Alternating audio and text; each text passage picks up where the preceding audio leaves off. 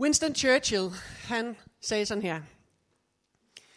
Alle de største ting i livet er simple og kan udtrykkes med ét enkelt ord. Frihed, retfærdighed, ære, respekt, barmhjertighed, håb. Men er det ikke sådan, at de største og smukkeste og rigeste ting i livet også ofte kræver kamp, kræver mod fra os. At have en god ven, som jeg håber, I alle sammen har prøvet at have, det kræver bare en stor indsats. At føre et andet menneske til tro, fordrer stor trofasthed. At bære et ansvar, fører altid ensomhed med sig. At holde sig godt gift, kræver en daglig indsats, hvis nogen skulle være i tvivl. At være forældre, det kræver bare hjerteblod. Man bliver overrasket. Det kræver så meget hjerteblod. At leve sit liv i tro, at leve sit liv i fællesskab med Gud, det koster hele dit liv. Store ting kræver kamp, kræver mod, kræver indsats. Og vi kan nemt lade være med at gå ind i de her ting. Vi kan faktisk nemt lade være med at indlade os personligt med andre mennesker. Vi kan lade være med at have mål og visioner for vores liv. Vi kan lade være med at være idealister. Vi kan lade være med at elske nogen. Vi kan lade være med at tro. Vi kan faktisk inde i os selv gøre op med os selv, at alle de her store ting ikke er kampen værd. At det simpelthen bliver for besværligt for os personligt, at det bliver for smertefuldt, og sandheden er vel, hvis vi sådan tænker tilbage og er ærlige med os selv, sandheden er vel, at vi ofte, eller i hvert fald vi alle sammen har prøvet at resonere på den måde, der er kampe, vi ikke overgår at tage. Og det er ikke fordi, at vi ikke tror på sagen. Det er ikke fordi, at vi ikke havde håbet at kunne opnå det eller kæmpe for det. Men vi tænker simpelthen, prisen er mig for overvældende. Og øh, måske sidder du lige nu og kommer til at tænke på ting i dit liv, der var værd at kæmpe for, som var kostbart, som var stort. Men du øh, resignerede, du opgav, fordi det blev simpelthen for høj en pris. Men, og nu får I et kirkegårdscitat, at våge, altså at elske, at have en ven, at vise barmhjertighed, at stå op for retfærdighed, at leve i tro, det er at miste fodfæste for en stund. Det er lige at være ved at snuble, men ikke at våge. Ikke at kaste sig ud i de her ting. Ikke at kæmpe for noget, der er stort. Det er faktisk det samme som at miste livet. Og i vores hverdagskampe, i dine hverdagskampe, for det, som er stort i livet, der er det her altid faktum.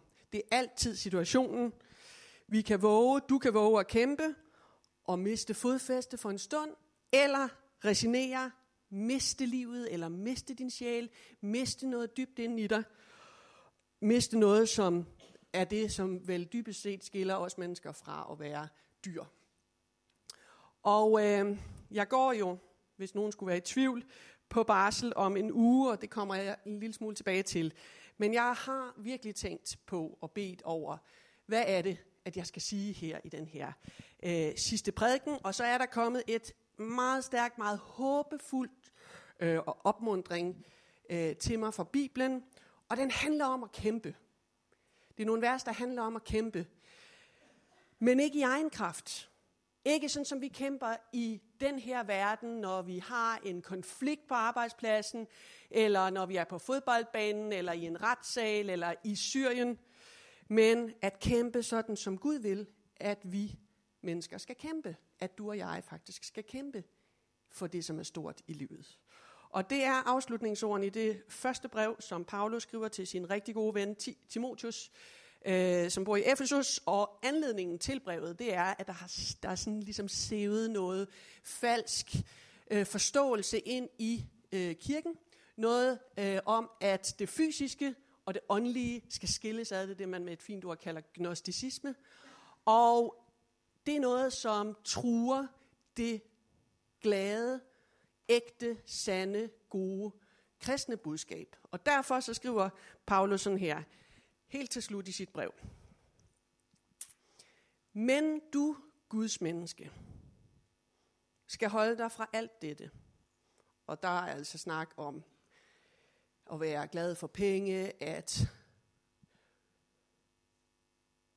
gå op i sig selv mere end alt andet og sådan nogle ting. Og stræbe efter retfærdighed, Guds frygt, tro, kærlighed, udholdenhed og sagtmodighed. Strid troens gode strid. Grib det evige liv, som du blev kaldet til og har bekendt dig til med den gode bekendelse i mange vidners påhør. Han siger, strid troens gode strid. Og det, jeg gerne vil pege på i dag, det er, at der findes for os alle sammen store, fantastiske ting i livet, som vi ikke skal underkende, og som er værd at kæmpe for. Men vi skal ikke kæmpe i egen kraft. Vi skal kæmpe ved at stride troens gode strid. Og der er søndagens tema, kæmp for alt, hvad du har kært, som kommer fra, jeg tror, min yndlingssang. En sang, jeg gerne vil... Nej, jeg skal ikke snakke om min egen begravelse, men... Øh, det sidste vers lyder sådan her. Kæmp for alt, hvad du har kært. Tro, om så det gælder. Da livet ej så svært. Troen, nej, døden ikke heller. Kan vi lige bede bare helt kort sammen. Gud, vi inviterer dig til at være sammen med os. Du kender hver enkelt af os. Du ved, hvad for nogle liv vi har. Du ved, hvad der er stort i vores liv, hvad vi har fået betroet værdifulde ting, som er værd at kæmpe for. Og du kender til vores frygt for at miste fodfæste, og vakle, at slå os. Og vis du os, hvad det vil sige at stride troens gode strid. Amen. Måske er der nogen af jer, der kan huske fra et eller andet kristendomsundervisning eller et eller andet, øh, den meget gribende fortælling om jøderne i ørkenen. Altså det er jo Moses, der har reddet jøderne ud af øh, fangenskab og slavetilværelse i øh, Ægypten. Så går de igennem ørkenen, og pludselig så står de altså i den situation, at det røde hav, kæmpestort rødt hav, er foran dem, og bagved dem kommer Ægypterne med deres store her og skræmmende her, og de bliver grebet af angst over situationen. De er altså klemt mellem to øh, kræfter, som de ikke kan, altså de ikke kan overgå. Og øh, jeg tænker, når jeg forestiller mig, hvordan de har det, de der jøder, klemt inde mellem havet, som kun en tåbe ikke frygter, ikke? og så en skræmmende her. Hvad for nogle følelser de har af at opgive. De begynder jo at klage og sige, at vi skulle bare have blevet derhjemme i Ægypten osv. osv., osv. Men jeg har bare tænkt på, står vi ikke lige præcis der mange gange, når i vores kampe for det, som vi har kært. Trængt op i en krog, fanget mellem at kæmpe for noget stort, der risikerer at slå os, og så miste noget betydningsfuldt i vores liv. Og øh, det kunne være relationen til et andet menneske. En relation, du har, som er værdifuld, men det er bare blevet så smertefuldt, at du måske tænker, hvis jeg bliver i forholdet her, hvis jeg bliver i relationen, så risikerer jeg at blive virkelig såret. Men hvis jeg ikke våger at blive og kæmpe, så mister jeg altså noget, som er værdifuldt. Det bliver et tab for mig. Det kunne være håbet inden i dig, som håbet på noget stort. Øh, der har fået en masse slag. Du føler måske, at det håb, det er blevet altså angrebet, det er balleret, og, og, og, og, og måske overvejer du, enten så holder jeg op ved, øh, holder jeg op, nej, enten fortsætter jeg og risikerer at øh, blive skuffet endnu en gang og mærke den smerte, eller også så må jeg give efter for håbløsheden og bare sige, pst, så bliver jeg bare bitter, jeg bliver bare øh, kold, jeg gider ikke at håbe mere. Det kunne også være et dyrebart ansvar, som du har fået betroet på en eller anden måde, men som er blevet uoverskueligt, og du ønsker bare at løbe skrigende væk. Og øh, miste noget, som faktisk er fantastisk i dit øh, liv. Noget, der er stort.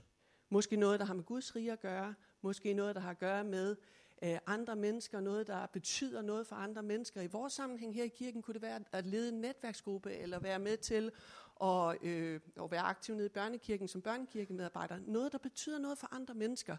Men det er bare blevet over, uoverskueligt, og man tænker, jeg slipper det hele, jeg løber langt væk, jeg holder op med at komme i kirke, jeg holder op med at komme i netværksgruppe. Jeg overgår det ikke mere, det bliver bare for smertefuldt, jeg er blevet for skuffet. Og øh, faktisk tror jeg, jeg har en fornemmelse af, at nogle af os er kommet til kirke i dag, lige præcis med de tanker. Jeg orker ikke mere. Jeg opgiver kampen, jeg stopper med at tro på Gud, jeg stopper med at ville, jeg stopper med at håbe, jeg stopper med at kæmpe, jeg resignerer, jeg gider ikke mere. Men så ved du samtidig, at hvis du gør det, så mister du noget ubetaleligt i dit liv. Noget stort. Noget, som du måske dybest set udmærket godt ved, det er værd at kæmpe for. Og det er så lige der, at Paulus øh, opmuntrer dig til at stride troens gode strid. Han siger det samme, som Moses så kom ind og sagde til jøderne, når de stod der bævrede foran det røde hav med og kiggede sig over skulderen for at kigge på Ægypternes skræmmende her. Han sagde nemlig sådan her, I skal ikke være bange. Herren vil føre krig for jer, og I kan tige stille. Altså, I kan holde kæft og tro og være stille i stedet for. Og som bekendt, så spaltede Gud jo det røde hav i to, så jøderne kunne gå tørskoet over, og Ægypterne, som så fulgte efter, druknede. Og at stride troens gode strid handler om at erkende, at kampene for det gode, det store i dit liv dybest set ikke er dine kampe, men Guds. Din opgave er at våge at stole på ham og overgive dig til ham, mens han fører krigene for dig. Det er at stride troens gode strid, og det er en helt anden måde at kæmpe på, end hvad vi ellers gør i vores verden og i vores menneskeliv. Og øh, på søndag, som øh, Simon som Mundert forklarede, har vi Café Vineyard. Noget af det, som vi kan glæde os til, er jo, at Simon og Martin øh, skal indsætte som præster. Ved I, hvad vi også skal fejre? Vi skal fejre, at Flemming, øh, som også er præst her i kirken, har 25 års jubilæum. Jamen altså, der er ikke ende på den fest. Øh, men efter den øh, Café Vineyard, så går jeg på overlov. Og øh, frem til sommerferien. Og jeg glæder mig helt vildt. Vi glæder os helt vildt, Carsten og jeg, til at møde vores lille øh, pige, Naomi. Jeg har også et billede af hende til jer. Alle kan se, hun, har, hun kommer til at arve sin fars biceps. Det er simpelthen bare en stor, kæmpe gave og velsignelse i vores liv. Men samtidig, så øh, har jeg personligt i de her måneder gået med en stærk oplevelse af, at Gud vil mere end at øh, passe hende, hvilket jo vil være rigt og flot nok øh, med den her overlov. Det er altså som om, at han vil ribe mig. Nu fortæller jeg bare noget personligt. Ikke? Han vil ribe mig fra noget af det, som stimulerer mig i min hverdag. Og øh, fører mig et sted hen, hvor han kan lære mig, hvordan jeg i højere grad strider troens gode strid. Hvordan jeg i højere grad kæmper for det store i hans kraft og ikke i min egen. Og jeg fik et billede af et træ, meget tydeligt derhjemme, da jeg gik og tænkte mig om, som havde øh, helt fine blade på. Men når jeg så studerede det nærmere, så var det som om, at det alligevel var tid for det træ til at have løvfald, til at have vinter, til at miste bladene, til at stå der, som I ved, træer gør, helt ribbet, helt nøgne, og man tænker, er det dødt eller hvad?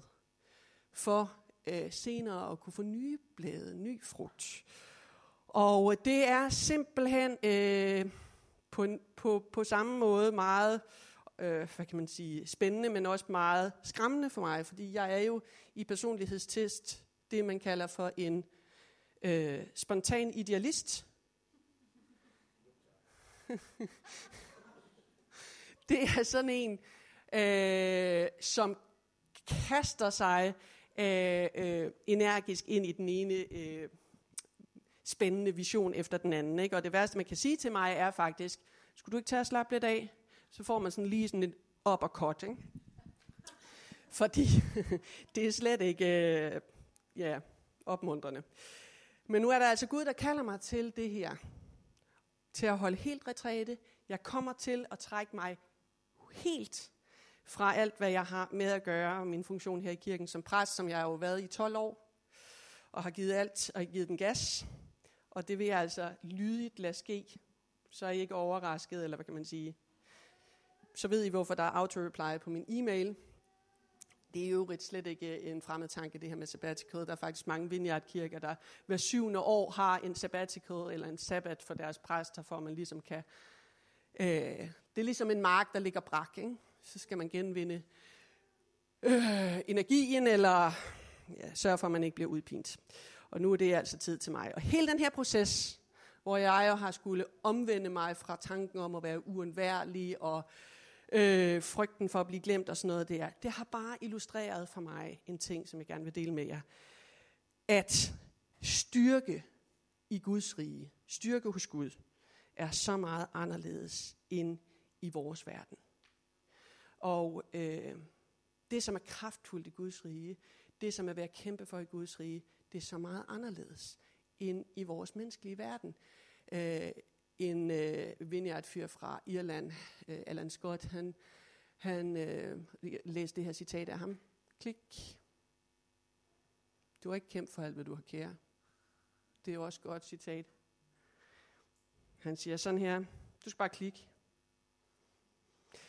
What if the breakthrough you are looking for lies in the brokenness you are running from? What if the breakthrough you are looking for lies in the brokenness you are running from? Kampstyrke for det, som er stort i vores verden, det handler jo om, hvad handler det om? Det handler om at være strategisk, det handler om at være dygtige, måske heldige, kende de rigtige mennesker, kunne øh, præsentere sig selv godt, kampstyrke eller råstyrke i Guds rige. Det handler om noget helt andet. Det handler om at våge og miste fodfæste, og være skrøbelig, og være sårbar, og tro, og nogle gange tro mod alt fornuft. I Guds rige, så findes det gennembrud, som jeg tror, vi alle sammen glæde, øh, øh længes efter. Gennembrud af glæde, gennembrud af fred. At have fred som menneske. Det findes ikke i de menneskelige sejre. Det tror vi jo, det gør. Vi tænker, hvis det, det bare sker, eller det bare sker, eller det bare sker for mig, så får jeg det gennembrud af lykke eller af glæde. Men i Guds rige, så finder vi det gennembrud ved at blive brudt som mennesker.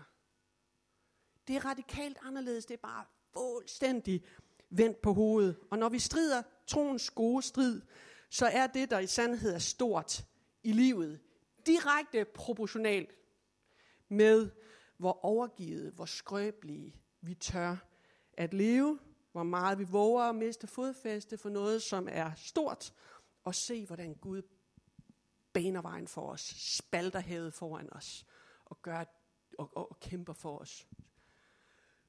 Står for krigen i vores liv.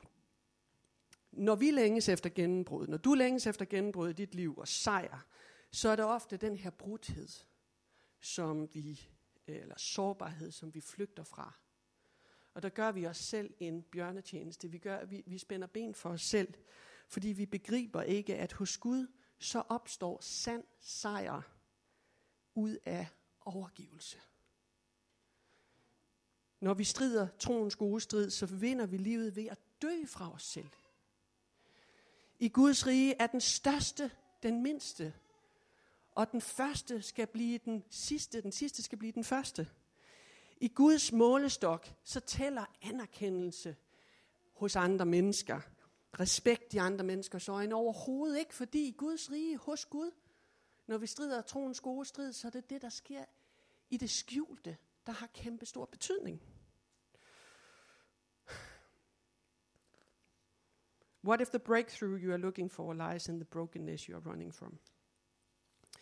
Og så vil jeg sige også, Øh, og jeg beklager for jer, der er gæster, fordi I kender mig slet ikke, og så videre. Men jeg har, øh, jeg har bare noget andet på hjertet også, og det er, at jeg er helt vild med København Vineyard. Jeg elsker den her kirke.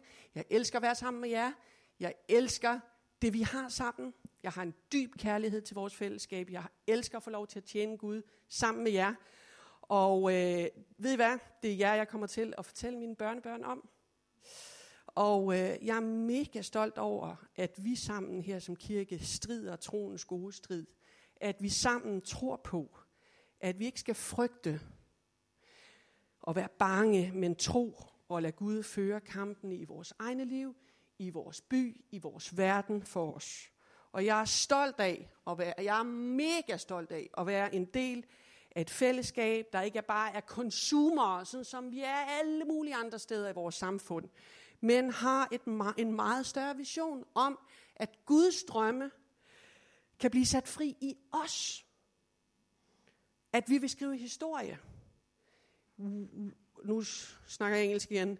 We make a living by what we get, but we make a life by what we give.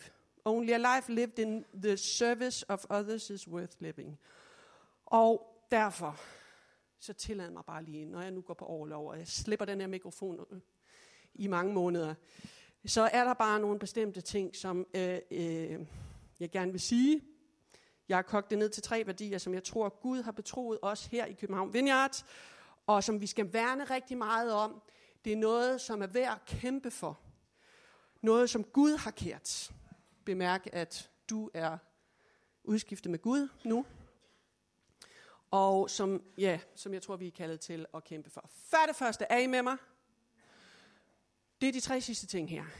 For det første, everyone gets to play. Det er et citat fra Vineyards grundlægger John Wimber, øh, som er kendt og som er blevet citeret øh, igen og igen og igen og igen og igen. Alle, alle kan være med. Alle kan bede for hinanden her i foretagendet. Alle kan høre Guds stemme. Alle har en opgave. Alle har et, en, et kald. Alle er lige meget værd. Og jeg tror, at nogle af os ligger under for, stadigvæk i år 2015, ligger under for en dansk jantelov, som jo siger, at du skal ikke tro, du er noget. Og øh, diskvalificerer os selv, eller er blevet diskvalificeret fejlagtigt af andre. Og jeg vil bare sige, det er ikke for Gud. Der er intet med Gud at gøre. Øh, Gud har givet dig nogle talenter, Gud har givet dig nogle gaver, og dem har han givet dig, ikke for at du skal grave dem ned, men for at du skal omsætte dem for alt det, som han har kært. Det gælder os alle sammen. Og jeg vil bare sige, ved hvad? Jeg er den første til at bekende, at jeg har, jeg har diskvalificeret mig selv, og jeg er også selv blevet diskvalificeret, for eksempel på grund af mit køn. Fordi det er bare sådan, at i øh, og det kan komme bag på dig, som ikke er vant til frikirkeliv, men det er bare sådan, at det er min øh, øh, domæne, og at det er, jeg vil kalde det et handicap, at være en kvinde, fordi man er vant til visse roller. Ikke også? Jeg kan huske som øh, ung teologistuderende, der var en præst, som jeg så vældig meget op til, han sagde sådan her, jamen der er ikke noget teologisk problem med øh, kvindelige præster. Kvinder er bare ikke så gode til det der. Nå, nå, okay. Så sagde jeg, øhm, har det ikke noget med kald eller sådan at gøre, eller hvad nu Gud gør i personen? Så sagde han, nævn mig en dygtig dansk kvindelig præst så. Oh. Men altså, der sker en udvikling. Der sker en udvikling øh, på det punkt. Grunden til, at jeg siger det, er, at øh, hvis du tænker, øh, jeg dur nok ikke til noget, jeg skal ikke tro, jeg er noget, øh, så er det, og nogen andre kunne have diskvalificeret dig, så er det ikke grund til, at det er ikke nogen grund til at resignere, eller lade være med at kæmpe for noget, som Gud har lagt på dit hjerte, Lige meget hvad for en historie du har, lige meget hvad for en baggrund du har, lige meget hvad for en nationalitet du har, lige meget hvad for en køn du har, lige meget hvad for nogle evner du har. Her i København Vineyard er der brug for alle, og vi fungerer faktisk kun, hvis everyone gets to play. Okay? Så hvis du ikke er i gang, så snak med en eller anden, dit netværksgruppeleder eller sådan noget. så er vi kørende. Så kan alt muligt ske. To, nummer to ting. Inkludere. Vær med til at inkludere. Jeg tror ikke, at nogen af os helt har fanget, hvor inkluderende Gud er. Men med tanke på, at Gud selv blev menneske, gik i døden for at komme os i møde, for at inkludere os i hans børneflok, så får vi måske bare en lille fornemmelse af, øh, hvor inkluderende Gud er, og hvor tæt det er på, Jesus, på hans hjerte, at vi åbner vores egne cirkler og lukker andre mennesker ind. Det er altså en kerneting, det er ikke bare sådan en fix idé, det er en kerneting for Gud. Og her i min øh, graviditet, så har vi, Carsten og jeg, øh, øh, igen og igen hørt nogen sige til os, jamen altså, I har jo ikke plads. I har jo ikke noget ekstra børneværelse. I har jo ikke råd. I har jo ikke tid til en baby. Og så har vi fået sige, det er bare automatsvaret, hvor der er hjerterum, er der et husrum. Og sådan er det også her i København Vineyard. Det har jo aldrig været sådan, at øh, øh, vi på papiret har en hel masse overskud til alt muligt. Øh, vi er altid, hånden, altså, det kommer I til at høre på på søndag, vi er altid lidt bagud, både på frivillige og også ø- økonomisk. Men øh, hvor der er hjerterum, er der husrum. Og vi vil, så længe den her kirke eksisterer, fortsætte med at inkludere mennesker med alt, hvad vi har i os, ligesom Gud har taget imod os, skal vi tage imod andre mennesker. Så hvis du er ny her, velkommen i familien. Lige meget hvem du er. Og når vi så våger det, så gør Gud resten. For det tredje, vær barmhjertig, ligesom Gud er barmhjertig. Hold hjertet varmt over for folk, der har det svært. Folk, der er i nød. Vi må aldrig, aldrig, aldrig skrue ned i forhold til at være noget for dem, der lider, dem, der er fattige, dem, der er fængslede, dem, der er ensomme, dem, der er prostituerede, dem, der er forvirrede, dem, der er deprimerede, dem, der skal dø. Vi må aldrig få nok i os selv. Hvis vi gør det, så mister vi det, som vi, så forvilder vi os væk fra det, som vi er kaldet til. Og øh, at være kristen, ikke også? Nu siger jeg det bare, det kan være, det er en banalitet, men det er altså ikke at sidde og snakke over en kaffelatte sammen med en anden kristen. Det er at kæmpe for det, som Gud har kært. Og øh, leve hans drømme ud i vores by, i vores verden, blandt dine venner, i praksis. Og så vil jeg bare lige citere Kasper Torskov, som er øh, som leder vores hjælpearbejde i Asien, og som endnu engang var i avisen her øh, for et par uger siden. Næste kærlighed er ikke at føle på en bestemt måde, men at handle næste kærligt. Hvor er jeg henne? Her. Øhm, den forpligtelse har stor betydning for mit liv, og et valg, jeg træffer hver gang, jeg har mere lyst til at gøre noget for mig selv, end at bruge dagen på at gøre noget for andre, der har brug for det. Jeg tænker, jeg skulle ikke bare være lidt mere sådan på den måde. Og øh, så vil jeg bare slutte af med at fortælle en, om en oplevelse, jeg havde i efterårsferien, hvor jeg var til begravelse hos en mand. Jeg har et billede af ham. Hans hedder han, til højre her. Han er i øvrigt Anton, som sidder deres farfar, og Anton sidder dernede. Du sidder der. Jeg har fået lov til at vise billedet. Men øh, det, jeg var ikke til den begravelse egentlig, fordi at jeg øh, øh, kendte Hans særlig godt, men øh, han havde bare en helt afgørende betydning i min barndom, hvor han fortalte om sin tro på Jesus, sit liv med Jesus på en utrolig hjertelig, ægte og meget smittende måde, i det man kalder for en, øh, en øh, søndagsskole, hvor nogle, altså det var bare nogle legekammerater til tilfældigvis, havde inviteret mig med der, og det var så smittende, og det gjorde hans for, snak og fortællinger, og den måde, han var sammen med os på, øh, betød, at der blev vagt en stærk tro på Gud i mit øh, lille barnehjerte, og det var virkelig unikt. Og jeg ved, og det tror jeg, du kan sige også, Anton, at det er ikke fordi, at Hans har haft et specielt sådan let liv. Der har også været nederlag, der har også været skuffelser. Jeg ved, at han har arbejdet hårdt for at brødføde en stor familie. Men under begravelsesceremonien, hvis I kan forestille jer det, så står kisten jo så her. Hele familien, børn og børnebørn og Anton og øh, Amanda, som også kommer her i kirken, stilles op ved siden af kisten, og så sang de, ingen er så tryg i far.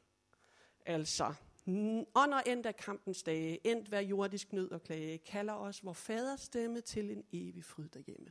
Og det kunne faktisk ikke rigtig blive smukkere og stærkere. Og øh, det blev bare så tydeligt, at her var et helt almindeligt menneske med almindelige udfordringer, men også med store ting, der er ved at kæmpe for. Som i al sårbarhed vågede at stride troens gode strid og kæmpe for det store i livet ved at tro og lade Gud kæmpe for sig. Her var et helt almindeligt menneske, som jeg egentlig kan relatere til rigtig godt. Nedture og opture. Som kunne sige det samme, som Paulus så skriver i det andet brev, han skriver til den her ven, Timotius, hvor han skriver sådan her. Tiden er inde til, at jeg skal herfra. Jeg har kæmpet den gode kamp, fuldført løbet og bevaret troen. Og det er sådan set den slutning. Det er det, der er målet. Det er det, som er dit kald. At ende der og kunne sige sådan der. Jeg har kæmpet den gode strid, kamp. Jeg har kæmpet troens gode strid, fuldført løbet og bevaret troen. Og jeg tror, vi har brug for Guds hjælp til det. Jeg tror, at øh, der er nogen af os her, som i den grad ved, hvad det vil sige at kæmpe og være i dilemmaet, skal jeg give op, eller skal jeg øh, fortsætte? Der er store ting i mit liv, der er på spil, men jeg er også ved at sejne. Jeg kan genkende mig selv i Ægypternes frygt, og øh, jeg tror, vi skal bede for dig, at, at du må øh, få lov at se, åbne øjnene og se, at Gud, Gud kæmper for dig. Gud kæmper på din side. Ligesom Moses. Han vidste bare, jeg er ikke alene. Gud kæmper på vores side. Det var det, der gjorde forskellen på ham og så jøderne. Og det har jeg lyst til, at vi slutter af med at, øh, at bede for. Så kunne vi rejse os op og, og henvende os opad. Det kan være, at du ikke er vant til at bede, så er det bare helt, helt i orden. Øh, så kan du tænke med, eller måske for første gang i dit liv, bede en bøn.